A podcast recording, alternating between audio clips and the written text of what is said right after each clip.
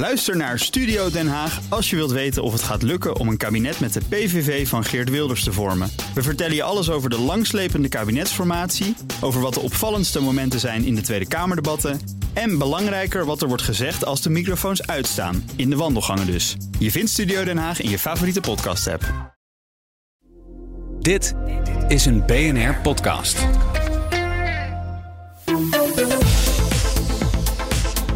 We gaan het eh, uitgebreid hebben over een aantal zaken die eh, de geopolitiek eh, bezighouden. Buitencommentator Bernard Hammelburg en Europaverslaggever Geert-Jan Haan zijn bij ons. Goedemorgen mannen. Goedemorgen. Ja, er staan onder meer een paar dingen op het programma. Straks om tien uur een toespraak van eh, Poetin in de Duma. Maar laten we eerst even, Geert-Jan, kijken naar Oekraïne. Vannacht weer een Russisch vliegtuig naar beneden gehaald. Dat is de zoveelste volgens mij. Hè? Nou, eh, dat is dus het verbazingwekkende aan dit verhaal. Dat we niet helemaal kunnen verifiëren. Maar eh, Oekraïne zegt dat ze het elfde vliegtuig, eh, een Sukhoi 34, in elf dagen tijd naar beneden hebben gehaald. En de BBC heeft dat eh, gisteravond al een beetje uitgezocht. Eh, het is onduidelijk hoe dat nou precies kan. Maar het zou kunnen dat ze een nieuwe batch met Patriot-raketten hebben gekregen. Dat ze die Patriots ook dichter naar het front hebben ge- gestuurd om wat meer risico te nemen.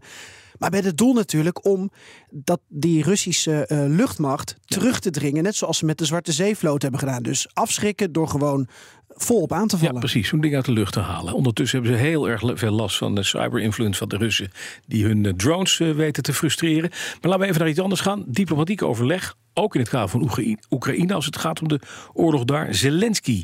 Die was gisteren bij Erdogan. Eergisteren bij, bij Mohammed bin Salman in Saoedi-Arabië. De Russen doen dat zo'n beetje eh, vandaag. Eh, tussentijds was er ook nog een conferentie in Albanië. En daar was dan ook weer de president van Moldavië. Nou, al die dingen horen bij elkaar. Je hebt elk land nu wel genoemd, hè? Precies, we hebben ze allemaal genoemd. Maar eerst eventjes over die, ja, die reis van Zelensky met in zijn zog de Russen. Ja, eh, eh, het is heel interessant om, om te volgen dat Zelensky dus ehm, bij Mohammed bin Salman op bezoek is geweest. Onder andere met zijn minister van Defensie Umerov. Eh, Die kent bin Salman ook nog vanuit het, eh, nou, de Oekraïnse industrie en economie. En eh, nou, dat ging over de Oekraïnse vredesformule, oftewel een vrede op Oekraïnse voorwaarden. Daar wordt dan over gesproken. Er komt van de zomer mogelijk een vredesconferentie in Zwitserland. Afen, allemaal eh, dingen vooraf. Maar wat zien we gebeuren? Eh, dat eh, de Russen die hebben eh, de voorzitter van het Russische parlement ook naar Saoedi-Arabië gestuurd de afgelopen dagen. En meneer Abramovic. Oké. De bekende voetbalvoorzitter, Ja. die ook oligarch is. En ehm, bij de eerste vredesonderhandelingen was echt, dat was in de eerste week van de oorlog al, ehm, namens ja, de, de, de partijen. En opvallend was, daarom noemde ik hem even, dat die minister van Defensie van Oekraïne, Omerov, die zat toen ook in het onderhandelingsteam. Dus er zijn allerlei lijntjes. Ja, ja, precies. Ehm, en nou, je hebt het over kopiëren. Ehm, nou, Zelensky sprak gisteren met Erdogan.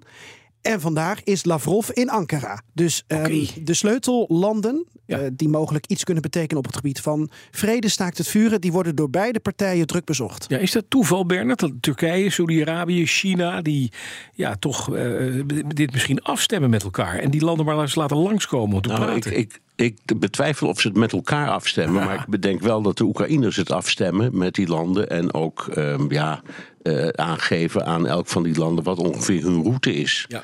Eh, het is heel duidelijk dat ze die landen stuk voor stuk om hun eigen redenen eh, nodig hebben. Je weet, om met China te beginnen, dat, is voortdurend, dat staat voortdurend op de rem als het gaat om steunbetuigingen aan Oekraïne, laat staan kritiek op Rusland enzovoort. Ja. En, en ze doen ontzettend hun best om China wat, wat dat betreft een beetje dichterbij te halen.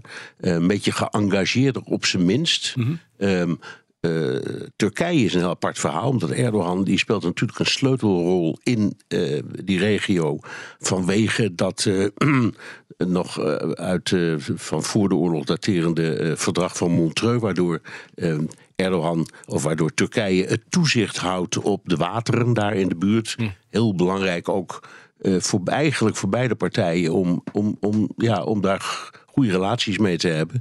En het valt mij ook op dat Erdogan zich echt wel van zijn beste kant laat zien. Hè, hij heeft ook nu gezegd dat hij ehm, in principe het, het Oekraïense vredesplan wel steunt. Dat zijn allemaal eh, belangrijke dingen. Ja. En, en Mohammed bin Salman, dat is natuurlijk eh, de, de- helemaal eh, interessant. Dus Daar, daar heeft hij al eerder mee, contact mee gehad. Ja, zeker. Ehm, en ook dat gaat over ehm, engagement. Omdat in die regio interesseert die hele oorlog, eerlijk gezegd, de mensen niet zo verschrikkelijk veel.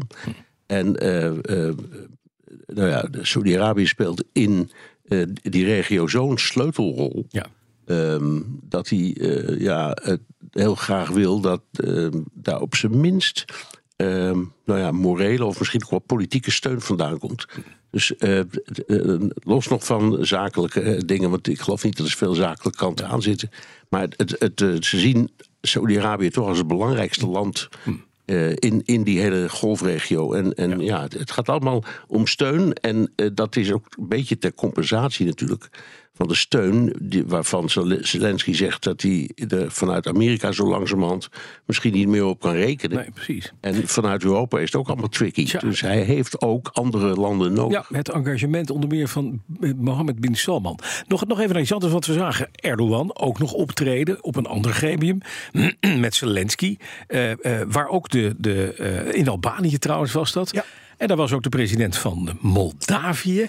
Interessant, want dat is meteen een mooie opstap. Moldavië heeft een kleine provincie en die ligt ja, tussen Moldavië en Oekraïne ingeklemd. En heeft al tijden een vrijage met, eh, met de Russen. Gisteren heeft het parlement, hè, dat afgescheiden parlement, zich daar eh, ja, eigenlijk voor de eh, Russen uitgesproken. Nou, eh, Nou? Het, het zit uiteraard weer eh, Net iets anders. anders. En het ligt natuurlijk weer net iets genuanceerder. Ja. En het was een top in Zuidoost-Europa met Oekraïne. Vandaar dat er zoveel landen bijeen waren. En ook Erdogan eh, kwam, kwam opdagen. Ja. Ehm, wat is er aan de hand? Is er vanaf morgen oorlog? Eh, gaat eh, Moskou raketten op Moldavië afsturen? Dat is niet het plausibele scenario.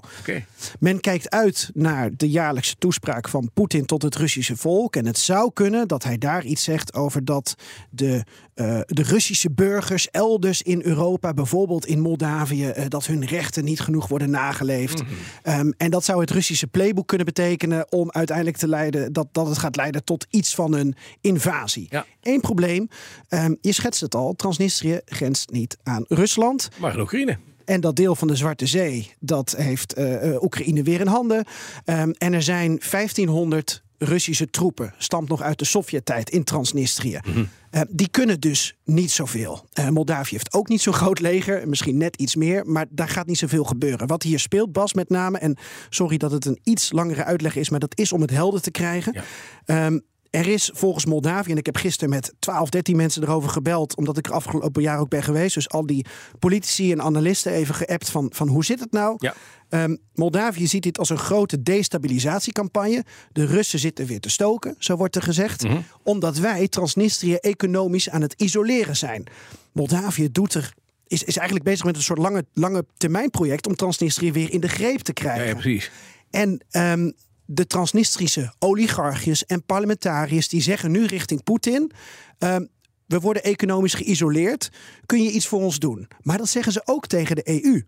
Het maakt ze niet uit wie ze komt helpen. Precies, als ze maar geholpen worden. En dat is onder andere wat Ja. er speelt. Maar we zien geen eh, troepenopbouw zoals Nee, bij nee. Oekraïne. Er is ook nog dialoog. Ja, maar die, en die vrees is er wel geweest. Hè? Want Moldavië zou dus het volgende land kunnen zijn.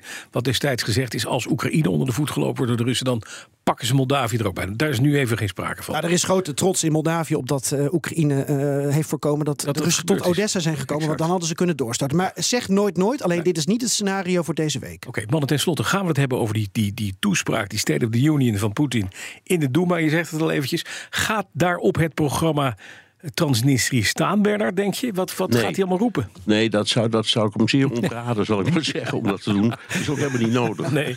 Oké. Nee, er komt met, eh, denk ik, met allerlei thema's. Waar, waar, ik, ik hoor net, ik weet niet waar Geert-Jan precies op let, maar ik ga eh, zeer letten op het thema wat hij steeds gebruikt. Namelijk, wij hebben be- geen kwaad op, op ons geweten.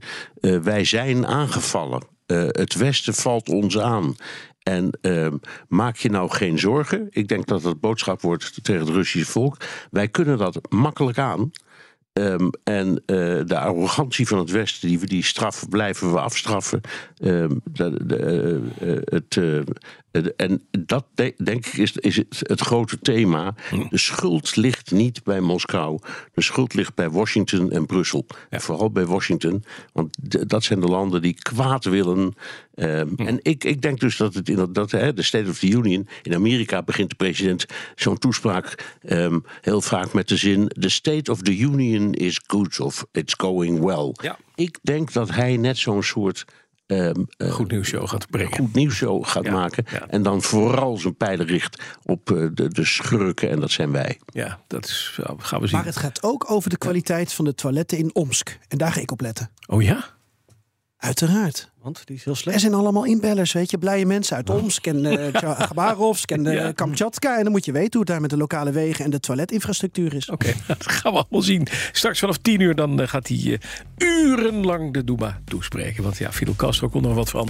Maar Poetin kan het ook. die kan een marathonsessietje organiseren. Mag jullie beiden danken. Bernard Hammelburg en Geert-Jan Haan.